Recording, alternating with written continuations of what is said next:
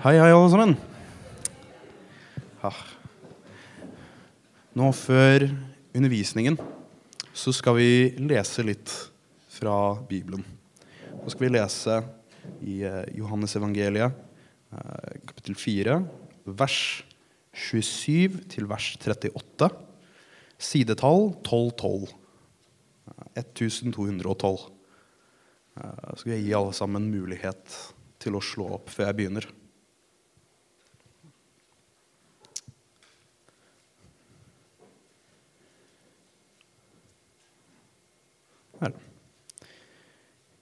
I det samme kom disiplene hans, og de undret seg over at han snakket med en kvinne. Ingen av dem spurte hva han ville, eller hvorfor han snakket med henne.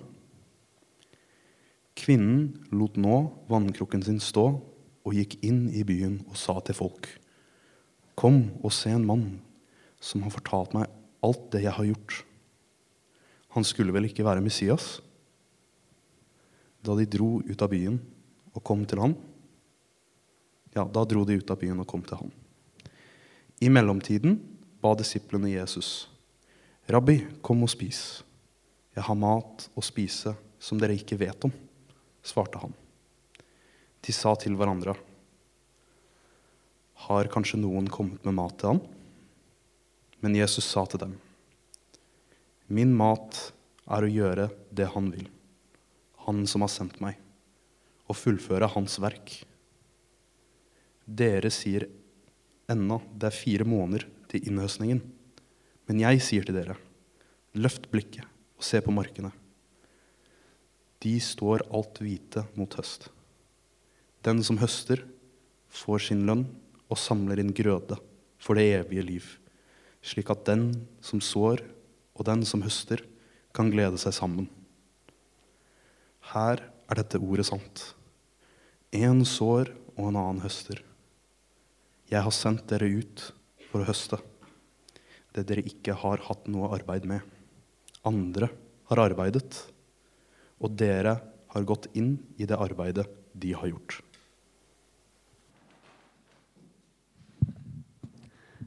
Hallo, mitt navn er Eirik Soldal. Jeg er pastor her i menigheten og skal få lov til å dele litt med dere nå. Så får jeg vel snart en presentasjon opp. Herlig. Jesus sa, løft blikket og se på markene. De står alt hvite mot høst. Og kanskje, kanskje var det akkurat dette øyeblikket at en gjeng med samaritanere kom gående imot dem. Og kanskje, kanskje hvis dette var på en fest, da, så hadde de også sine tradisjonelle hvite festklær på seg. Det vet vi ikke, men, men, jeg ser det litt for meg. Og jeg ser for meg Jesus som står der og sier, 'Se på markene. De står hvite mot høst.' Og så fortsatte han etter hvert med å si, 'Jeg har sendt dere ut for å høste det dere ikke har hatt noe arbeid med.' Andre har arbeida, og dere har gått inn i det arbeidet som de har gjort. Hva var det som hadde skjedd? Hvorfor kom de gående til Jesus akkurat nå?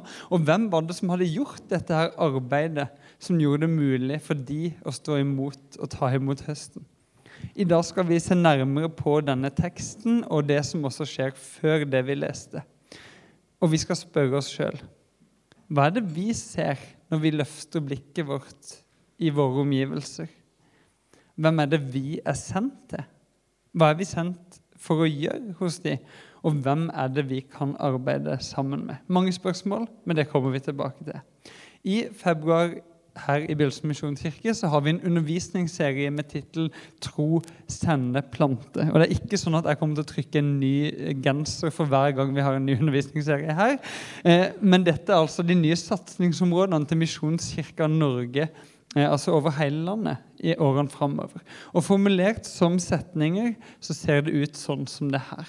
Vi vil lede mennesker til tro på Jesus. Vi vil sende ut flere medarbeidere, og vi vil plante nye menigheter. Og Undervisninga i dag, som vi allerede er godt i gang med, handler om at vi vil sende ut flere medarbeidere. Nasjonalt så kan dette handle om at Misjonskirka har lyst til å legge til rette for at folk blir sendt ut i misjon. Enten ved at man drar til andre land, eller ved at man flytter innad i Norge for å bidra i menigheter som ligger i byer og områder der det er veldig få kristne. Det er nasjonalt. Men, men hva betyr det for oss her på Bjølsen? Her i vår menighet? Jeg har lyst til å gjøre en liten undersøkelse nå før vi går videre. En høy hånd i været, alle dere som er født og oppvokst i Oslo. Ja, ser man det?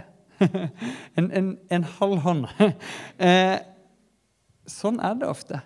Resten av gjengen her, utenom et, tre stykker av de som er nede, har flytta hit til byen. Flytta, eller Ja. Hva om vi er sendt? Kan vi tørre å tenke det? At vi ikke bare har havna her av tilfeldigheter, eller at vi sjøl har bestemt oss for å flytte til Oslo, men at Gud på en eller annen måte har en tanke med hvorfor du og jeg er i denne her byen. At vi på en eller annen måte er sendt hit. Så kan det hende du ikke følger meg på den tanken, men da kan jeg uansett si at hver gang du kommer til en gudstjeneste, enten det er her eller i en annen kirke, så blir du sendt ut igjen. Det er hovedpulsen i gudstjenesteliv. Vi samles rundt Jesus, og vi sendes ut igjen. Vi sendes ut til våre lokalsamfunn, våre nabolag, våre kolleger, studiesteder, familier, venner. Vi sendes ut for å gjøre en positiv forskjell i samfunnet. Og ikke minst så sendes vi ut med et budskap om Jesus. Med en fortelling om hva han har gjort, og hva han gjør i våre liv. Og kanskje med et spørsmål som kan få folk til å begynne å lure, sånn som denne kvinnen vi leste om, sa. Hm, han skulle vel ikke være Messias? Vi skal i dag til historien om kvinnen ved brønnen og det møtet hun hadde med Jesus. Hun som etter hvert dro inn i landsbyen sin for å fortelle alle om Jesus. Før vi ser nærmere på bibelhistorien, så tenker jeg at vi skal be litt sammen. Herre Jesus, du er her nå, midt iblant oss. Og jeg ber om at når jeg forteller og gjenforteller og leser denne bibelhistorien for oss, så må du eh, bli virkelig for oss. Eh, at du, vi må vite at den vi leser om, er også her.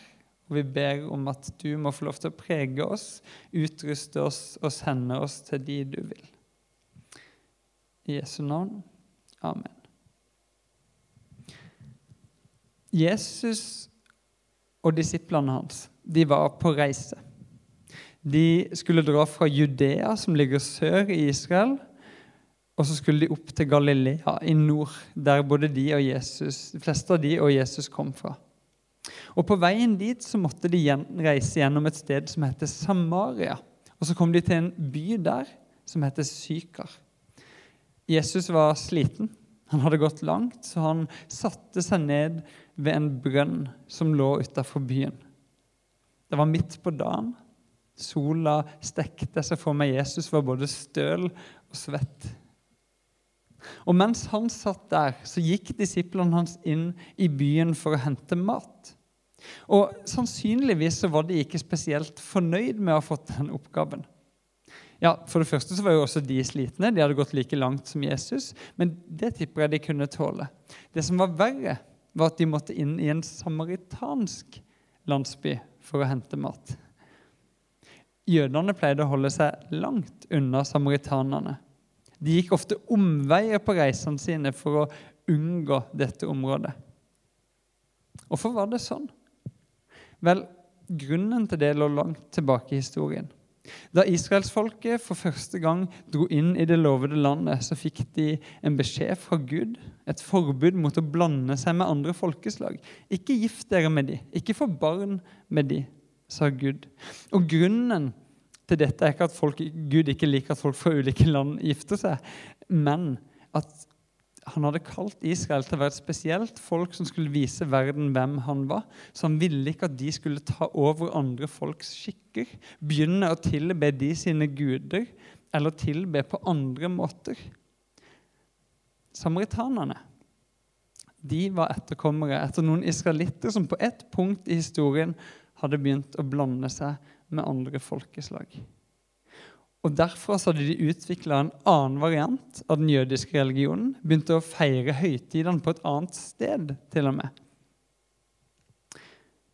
Og nå ville disse to gruppene ikke ha noen ting med hverandre å gjøre. Over tid så hadde det utvikla seg et sånn godt, gjensidig, langvarig fiendskap. Og Der var altså disiplene på vei inn til en samaritansk landsby for å spørre fienden om de kunne få lov til å få eller kjøpe litt mat. Jeg, jeg tipper de var gretne. Kanskje tenkte de at Jesus sendte dem fordi han ville slippe å treffe samaritanerne sjøl. Sånn var det i alle fall ikke. For mens Jesus satt der ved brønnen og hvilte, så kom en samaritansk kvinne for å hente vann. Og Jesus unngikk hun ikke. I stedet så henvendte han seg til henne med en gang og sa, 'Du, la, la meg få drikke.' Hun skjønte med en gang at Jesus ikke var lokal, så hun spurte han tilbake, 'Åssen kan du som er jøde, be meg, en samaritansk kvinne, om å drikke?' Jesus ville ikke unngå henne. Han brydde seg om henne. Han lot fiendskap, diskusjon, alt sammen ligge og gikk rett på dypet i samtalen. Han sa til henne, 'Du, om du hadde kjent Guds gave og visst hvem det er som ber deg om å drikke, da hadde du bedt Han, og Han hadde gitt deg levende vann.'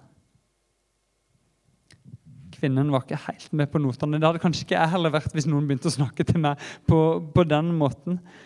Og jeg er litt usikker på om hun har en undrende eller sarkastisk tone i stemmen når hun snakker videre med han og sier, 'Herre, du har ikke noe å dra opp vann med, og brønnen er dyp.' Hvor får du da dette levende vannet fra? Du er ikke større enn vår stamfar Jakob. Han ga oss brønnen, og både han sjøl og sønnen hans og buskapen drakk av den. Ja, du er vel ikke større enn han? I begynnelsen av Johannes evangeliet, som denne her historien er henta fra, står det noen setninger som svarer på spørsmålet hun har her. Er du større? Johannes sier dette om Jesus. Alt ble til ved han. For uten han er ikke noe blitt til. Og det som ble til i ham, var liv. Og livet var menneskenes lys. Jo da, Jesus var større. Han hadde gitt verden mye mer enn en brønn. Han var større enn Jakob. Han var større enn Moses, han var større enn Abraham og David og hvem enn det skulle være i den samaritanske og jødiske felleshistorien. Og nå var han altså her. Jesus, han som gir liv. Og han sa dette til kvinnen. Den som drikker av dette vannet, blir tørst igjen. Men den som drikker av det vannet jeg vil gi, skal aldri mer tørste. For det vannet jeg vil gi, blir i han en kilde med vann som veller fram og gir evig liv. Nok en gang så er usikker på om hun her dama svarte Jesus med en sarkastisk eller inderlig tone. Vi prøver begge deler. Enten Ja, ja, herre, gi meg det her vannet, så skal jeg slippe å gå her og hente opp vann igjen. Eller Å, Herre, gi meg dette vannet, så jeg ikke blir tørst igjen og slipper å gå hit og hente opp vann. Uansett åssen hun snakker til ham, så syns jeg det skjer noe veldig fascinerende i samtalen. nå. Jesus, den måten han svarer kvinnen på nå, det minner meg om når noen masserer ryggen min og plutselig finner en sånn ømt punkt og bare trykker til. Og så er det sånn godt og vondt samtidig. Han ser på henne og sier, 'Gå og hent mannen din, og kom så hit.' Au! Jeg har ingen mann svarte kvinnen. Jesus hadde satt fingeren på det ømmeste punktet i livet sitt. Og han, han trykker til. Han sier, du har rett når du sier at du ikke har noen mann. For du har hatt fem menn, og han du nå har, er ikke din mann. Det du sier, er sant. Jesus viker ikke unna. Han berører det ømme punktet. Det som kvinnen skammer seg over, det som hun sørger over, det som hun kjemper med hver eneste dag, det som sannsynligvis holder hun på utsida av samfunnet og gjør at hun kommer hit nå, midt på dagen i solsteiken for å hente vann. At hun ikke kommer på morgenen sammen med de andre kvinnene. Enten så fikk hun ikke lov til å være med, eller så bare orka hun ikke å være sammen med dem og se blikkene de sine. Du har hatt fem menn, sa Jesus, og han du nå har, er ikke din mann. Vi vet ikke åssen livet hos sitt hadde endt opp sånn her. Kanskje hadde hun levd løssluppent, for å bruke et sånt ord. Det er den vanligste tolkninga i møte med denne teksten. Men kanskje så var hun også et offer for andre menn som hadde manipulert henne, utnytta henne. Vi, vi vet ikke om det var det ene eller det andre eller begge deler. Men vi vet at situasjonen hos henne var vanskelig. Og vi ser at Jesus ikke unngår det vanskelige. Han ser rett gjennom, og det, det er overnaturlig. Sånn opplever hun det i alle fall. Og jeg tenker Når Jesus snakker sånn, han er jo på grensa til invaderende. Er han ikke det? Men så tror jeg det at det ikke bare var vondt å bli møtt på denne måten. Det må ha vært et eller annet med Jesus, kanskje blikket hans, kanskje respekten, omsorgen han møtte henne med, som gjorde at hun ikke bare opplevde at han så gjennom henne, men at han så henne. Fordi hun stikker ikke av fra situasjonen. Hun sier det her gidder jeg ikke, men nei, hun blir værende. Og hun sier, 'Herre, jeg ser at du er en profet.' Og så, så bytter hun tema. Bort fra sitt eget liv, tilbake til diskusjonen mellom jøder og samaritanere og de tingene de eh, ofte krangler om. Hun sa til han, du, eh, våre fedre tilba Gud på dette fjellet, men dere sier at Jerusalem er stedet der en skal tilbe. Jeg vet ikke om hun prøvde å unngå dette her personlige samtalen, eller om det her faktisk var noe hun gikk rundt og grubla på. Nå har jeg endelig sjansen til å finne ut for han her er noe mer. Jeg vet ikke hvorfor hun spurte, men jeg vet at Jesus tar spørsmålet på alvor. Han svarer henne. Han sier, 'Tro meg, kvinne, den time kommer' da det verken er på dette fjellet eller i Jerusalem dere skal tilbe Far. Dere tilber det dere ikke kjenner, men vi tilber det vi kjenner, for frelsen kommer fra jødene. Husk det. Jesus var jøde. Og han sa til henne, 'Den time kommer.' Ja, den er nå.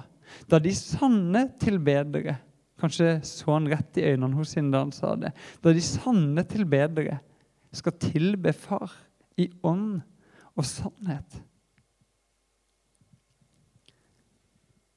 Jesus møter denne kvinnen. Han tar henne på alvor. Først tar han tak i de vanskelige delene i livet hos sitt. Og så begynner han å peke her fram veien til en sann og levende relasjon med Gud. Det er tydelig at Jesus vil henne vel. Og han setter, i kontakt, setter henne i kontakt med det hun virkelig tørster etter. Ikke det derre vannet i brønnen, men dette levende vannet som han kan gi. Han setter henne på spor av noe viktig, og hun merker det. Dette her er noen ting hun trenger å finne ut av. Så hun sier til han, 'Jeg vet at Messias kommer.' Og når han kommer, skal han fortelle oss alt. Og Jesus svarer, 'Det er jeg som snakker med deg.'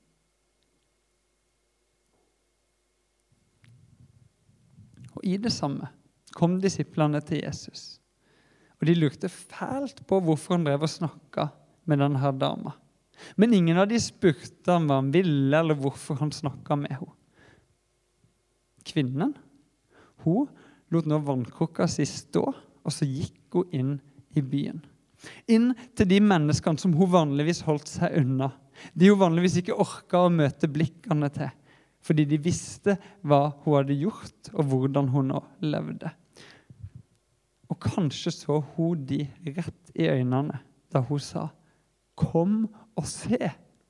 En mann som har fortalt meg alt jeg har gjort. Han skulle vel ikke være Messias? Og Av en eller annen grunn så tok de imot budskapet sitt. De, de, de stolte på henne. De dro ut av byen for å møte Jesus sjøl. Og da disiplene og Jesus så samaritanerne komme, så sa Jesus til dem, løft blikket og se på markene. De står alt hvite mot høst. Jesus forklarte videre, og nå er vi som dere merker, tilbake i det som Kristoffer leste for oss i begynnelsen av undervisninga. Jesus sier det sånn her. Den som høster, får sin lønn og samler grøde for det evige liv, slik at den som sår og den som høster, kan glede seg sammen. Her er dette ordet sant, sier Jesus. Én sår, og en annen høster. Jeg har sendt dere ut for å høste det dere ikke har hatt noe arbeid med. Andre har arbeida, og dere har gått inn i arbeidet de har gjort. Det var ikke disiplene sin fortjeneste at denne store gruppa med samaritanere nå kom strømmende til Jesus. De hadde ikke oppnådd noe annet enn å klare å få tak i litt mat inne i landsbyen. Men denne kvinnen ved brønnen, hun som nettopp hadde møtt Jesus og egentlig visste ganske lite om han, hun dro ut. Hun gjorde arbeidet. Hun fortalte. Hun sådde sine frø av tro. Og nå kunne kvinnen og disiplene glede seg sammen. For det står nemlig at mange av samaritanerne fra denne byen kom til tro på Jesus pga. kvinnens ord da hun vitna. Han har fortalt meg alt det jeg har gjort. Og Samaritanerne fikk nå sjøl møte Jesus ved brønnen. Johannes skriver videre at de kom til han og ba han bli hos dem. Og han ble der to dager. Og mange flere kom til tro da de fikk høre hans eget ord. Og da sa de dette til kvinnen. Nå tror vi ikke lenger bare pga. det du sa. Vi har sjøl hørt han, og vi vet at han virkelig er verdens frelser. Altså, den dagen, pga. Jesus sitt møte med denne kvinnen ved brønnen. Og pga. hun sitt mot til å gå ut og snakke og dele om det hun hadde opplevd, så blir hele denne her landsbyen forvandla. Altså Er det ikke fantastisk? Tenk om noe sånt kunne skjedd i våre nabolag. I våre vennekretser, på våre studiesteder, arbeidsplasser, hva det måtte være. Tenk om en eller flere av oss etter etter et møte med Jesus ved brønnen eller Bibelen eller på gudstjenesten, eller hva det måtte være, gikk ut sånn som hun her dama og sa Å, jeg har opplevd noe. Kom. Kom og se. Sjekk ut sjøl. Og tenk om folk da fulgte oss. Tenk om de kom til Jesus, enten det var ved en brønn eller i bibellesinga eller gudstjenesten eller hvor enn. Og så fikk de erfare han sjøl. Og så kunne de komme og si til oss du, nå tror vi ikke lenger pga. det du sa. Vi har sjøl møtt Jesus. Vi har hørt Jesus. Vi, vi vet også at han er verdens frelser. Ja, tenk om. Jeg har tatt dere langt med inn i denne bibelhistorien, fortellinga. Og Siste ca. tredjedel av undervisninga nå så har jeg lyst til å ta denne historien inn i våre liv ved at vi stiller oss sjøl noen spørsmål. Nemlig Og der var det hvite mot høst-bildet mitt som jeg glemte å ta med i stad. Seks spørsmål. Hva ser jeg når jeg løfter blikket? Hvem er jeg sendt til? Hva er jeg sendt for å gjøre? Hvis jeg er sendt for å så, hvordan gjør jeg det? Hvis jeg er sendt for å høste, hvordan gjør jeg det? Og hvem er det jeg kan jobbe sammen med? Vi tar for oss ett spørsmål av gangen, og så skal jeg prøve å respondere ganske kort på hver av de. Jesus sa altså 'løft blikket og se på markene'. De står alt hvite mot høst. Men hva er det jeg ser? Hva er det du ser når vi løfter blikket vårt? Er det sånn vi opplever Oslo? Markene står hvite mot høst. Det er fullt av folk som bare er kjempeklare for å ta imot evangeliet. Det, det, det kan jo være det. Altså Kanskje må vi bare gjøre sånn som Jesus, han som ble sendt av Gud, og, og begynne å spørre folk. Gå litt dypere inn i samtalene. Finne de viktige, ømme punktene. Trykke varsomt på de og, og se om, om, det finnes en åpning, noe som rører seg i de sine liv. Kanskje det. Eller kanskje ser vi ut og ser noe annet. Kanskje ser vi ikke på en høst som er så moden som vi godt kunne ønske at den var.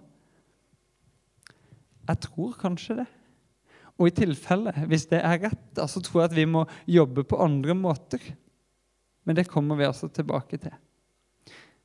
Men jeg tror likevel vi skal løfte blikket vårt, se utenfor fellesskapet og spørre oss sjøl hvem er det jeg er sendt til? Vi har hørt at denne kvinnen ved brønnen hun lot vannkroka stå, og så gikk hun inn i byen. Og jeg synes det er ganske heftig. Hun slipper alt hun har i hendene, og går rett til masse folk som ikke liker henne, som hun kjenner på skam overfor. Og så sier hun 'Kom og se en som har vist meg alt jeg har gjort'. Eller fortalt meg alt jeg har gjort. Denne kvinnen gikk til sine egne. Men hvem er det du skal gå til? Det kan ikke jeg svare på for deg. Men kanskje Gud kan det. Jeg har lyst til at vi skal gjøre en kjempekort øvelse nå. Være stille i noen sekunder. Lukke øynene gjerne, og så sier jeg til Gud Gud, må du ved din ånd nå vise oss hvem du sender oss til. Om det er noen du har lyst til at vi skal gå og vise veien til Jesus for.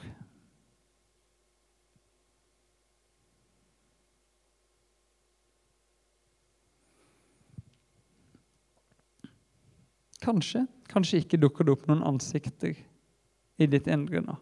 En venn, noen i familien, en kollega. Snakk litt videre med Gud om det. I løpet av kvelden, i løpet av uka. Er dette noen du vil jeg skal gå til, eller var det bare en tanke jeg fikk nå? Er det noen du har plassert meg hos, noen du har sendt meg til? Jeg tror det spørsmålet kan, kan sette i gang mye i oss. Men vi går videre til neste spørsmål. Hvis du da får en eller annen følelse av hvem du er sendt til, hva er det du da er sendt for å gjøre? Jesus sa jo til disiplene sine at én sår og en annen høster. Jeg har sendt dere ut for å høste det dere ikke har hatt noe arbeid med. Andre har arbeida, og dere har gått inn i arbeidet de har gjort. Men hva er det Jesus sier til oss? Sender han oss ut for å høste, eller sender han oss ut for å så? Det hadde jo vært nydelig hvis vi hadde masse muligheter til å høste, til å ta imot mennesker som er sprekkeklare til å følge Jesus. Fikk invitere dem til å ta imot frelsen i Han. Og så erfarer kanskje mange av oss at i hvert fall tilsynelatende på overflaten, så er folk rundt oss ganske langt unna å vurdere akkurat det. Og, og hvis det da er sånn, så, så tror jeg kanskje at arbeidet vårt bør begynne lenge før denne innhøstninga. Kanskje til og med så tidlig at det vi skal gjøre, er å arbeide med jorda. Pløye. Gjøre den frodig. Åssen kan det her se ut? Fra noe veldig metaforisk til noe veldig konkret. Jeg tenker Det første kan handle om, om å bli gode venner med folk. Og ha samtaler der vi oppklarer misforståelser om hva troa er, og hvem Jesus er. Og det andre, veldig konkrete, kan være å be. Sist uke så tipsa jeg dere om denne her bønneplanen. 21 dager med bønner for venner. Den kan du finne i bibelappen YouVersion på mobilen din. Søk den opp. 21 dager med bønner for venner. Jeg har begynt å bruke den. Bedt fire dager, glemt to-tre. Og sånn kommer det til å gå til jeg er ferdig om en måneds tid. Kan du gjøre det samme? Der finner du korte, ferdigskrevne bønner basert på bibeltekster, som også inspirerer deg hjelper deg å forstå hva evangeliet er. Og så kan du bruke det til å be om at folk skal komme til tro. Så kan du pløye jorda. Hvis du så for deg noen ansikter i stad, eller hvis du fortsetter å be Gud om å vise hvem du er sendt til, så kan det dukke opp noen mennesker som du skal investere tre uker med bønn for, og se hva som skjer.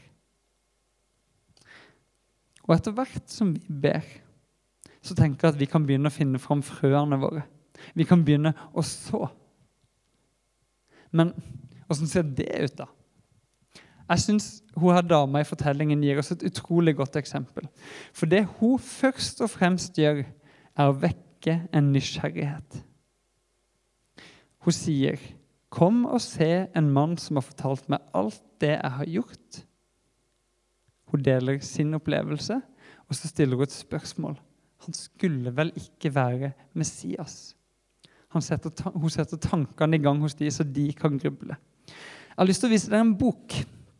Denne lille blekka her, 'Surprise the World', gitt ut på Navigatørene sitt forlag Navpress, er helt nydelig. Det er en australsk teolog, så vidt jeg husker, eh, og misiolog og pastor som heter Michael Frost, som i denne boka beskriver noen vaner, noen trospraksiser, som kan hjelpe oss å vekke nysgjerrighet i andre, sånn at de får lyst til å vite mer om Jesus.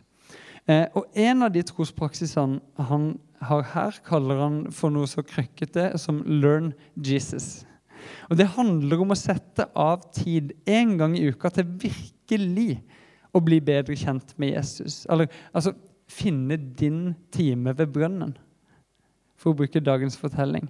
Og Jeg har nå tenkt å vise dere et utdrag fra en film om boka, der han i løpet av et par minutter forklarer litt om hvordan dette skal se ut, og motiverer til å gjøre det. Så håper jeg vi får teknikken til å funke på det. Two. See, if you read the Gospels over and over and over, you become increasingly shaped by his teaching and by his example. I want you to know the Gospels. Marinate your soul in the Gospels. Don't just know Jesus' greatest hits. Don't just know Christmas, Easter, a couple of miracles, a couple of parables. I want you to know everything that he said and everything that he did, and I want you to be shaped by him. So here's the third missional habit Find at least one space in your life, Saturday morning, Thursday night, whatever it might be. Just create the space to say, This is the time. Aside from any other Bible reading I do, any other small groups I'm part of, this time solely is given over to simply immersing myself in the example of Jesus. So I want you to read the Gospels over and over and over. I want you to read them out loud. I want you to read them devotionally. I want you to use Bible reading material to study the Gospels. I want you to sit with, with Christ and Christ alone and simply enter into the story. Why is that important? Because if you're blessing people and eating with them, you're engaging meaningfully with them, I want you to talk about Jesus. I don't just want you to talk about how they're sinners and how Christ died for them. That's true, and that may come up. But for the most part, I want you to be able to speak about this man that you love, who shapes you, who you want to be more and more like. Let me give you a weird example to illustrate this. I've got a friend who's a Trotskyite and a serious one. He reads Trotsky over and over and over. Uh, he was a, a, Russian Bolshevik, a, a Marxist. Uh, this mate of mine reads him, is immersed in him. He can quote him like that. Like we'll be having a conversation socially and be like, oh, well, actually, that reminds me of something Trotsky said. In fact, in casual conversation, we're chatting about something he'll regularly say. Well, why would we be surprised about this? Trotsky said, and he can quote him. Or Trotsky once was doing so, he can tell a story about him. Now, that's Trotsky. And I think to myself, if this guy can be so shaped by Trotsky that he can quote him, he can tell stories about him, he can drop him into conversation, you know, I question why can't Christians quote Jesus the way my mate can, can quote Trotsky?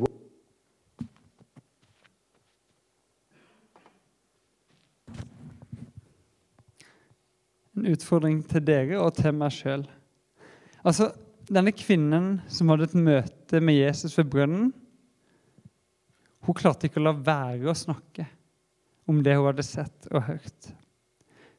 kan du og jeg møte Jesus i evangeliene på denne måten igjen og igjen, sånn at vi som han her sa, blir så marinert i alt det han er og sier og gjør, at vi ikke kan la være å snakke om det. At det bare faller ut av munnen vår. Et sitat. Og dette minner meg om korte fortellinger, korte sitater i helt naturlige, vanlige samtaler. Ikke 'Hei, nå skal jeg vise deg fire trinn for å bli en kristen', men, men bare Hei, du minner meg om Jesus når du gjør dette. Eller når vi snakker om det her.